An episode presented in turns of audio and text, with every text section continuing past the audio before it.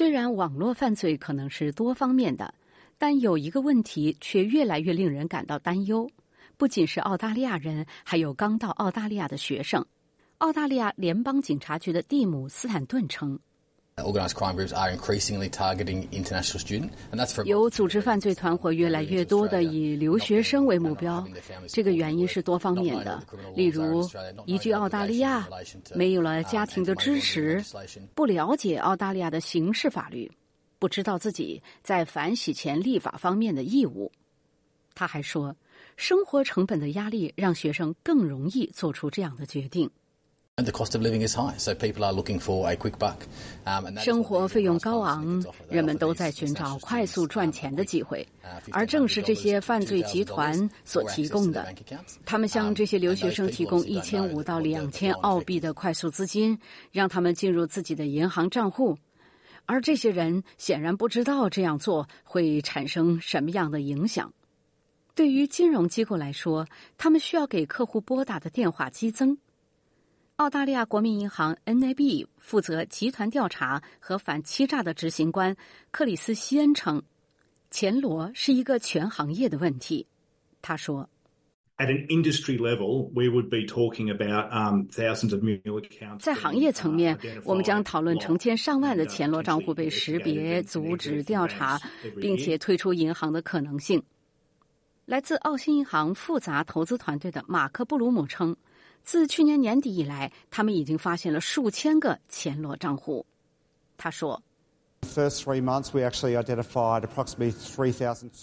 在前三个月，我们实际上发现了大约三千两百个账户。我们认为这些账户的设立纯粹就是为了洗钱。洗钱是有组织犯罪团伙使用的一种手段，目的是获取某人的银行账户，以换取一次性的预付款。”然后利用这个账户接收，并且向其他的账户转账。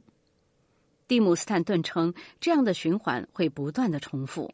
他说：“So each and every time the money moves, it makes it more and more difficult.” 每一次资金转移都会增加我们和我们的海外合作伙伴追踪这些资金的难度，无论是最初的资金来源，还是它最终的目的地。由于担心留学生不熟悉澳大利亚的刑事法律，澳大利亚联邦警察局用七种语言在三十九所大学发起了一项宣传活动。蒂姆·斯坦顿再次提到。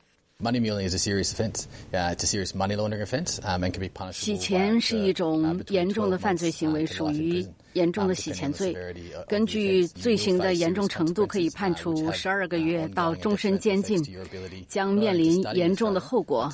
这不仅是对在澳大利亚的学习的人，还是对在澳大利亚居留的人都会产生持续和威慑性的影响。科尔蒂斯·西恩称，有些人是故意参与非法交易。他说：“我们看到一种模式，即外国学生在澳大利亚完成学业之后，他们会出售自己的银行账户，或者是把银行账户交给其他的人，由这些人用于犯罪的目的。”马克·布鲁姆称，其他人并不知道他们的行为实际上是犯罪。他说。很多人直到接到我们的电话，我们停止了他们的账户，他们这才意识到自己陷入了犯罪的活动。这些犯罪分子通过 TikTok、Snapchat、WhatsApp 等平台与受害者面对面或在线联系。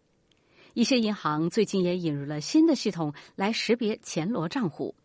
他们认为这是一个正在澳大利亚范围内变得日益严重的问题。来自新南威尔士大学的留学生 Tim 谈到了他对这一现象的认识。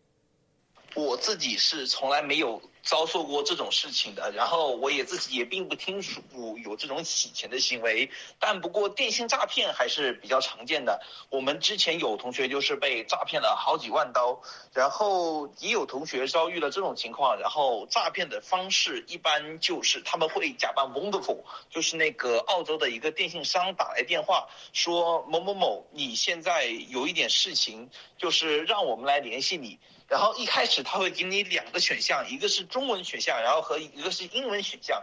当你选择了中文选项的时候，他们才会继续进行诈骗。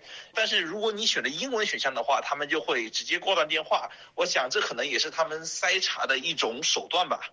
我自己是处于 UNSW 西南威尔士大学，就是我们学生社团也曾经给学生提供过这一种讲座。不过这个由于宣传效果十分的糟糕，导致可能也没有多少人去听。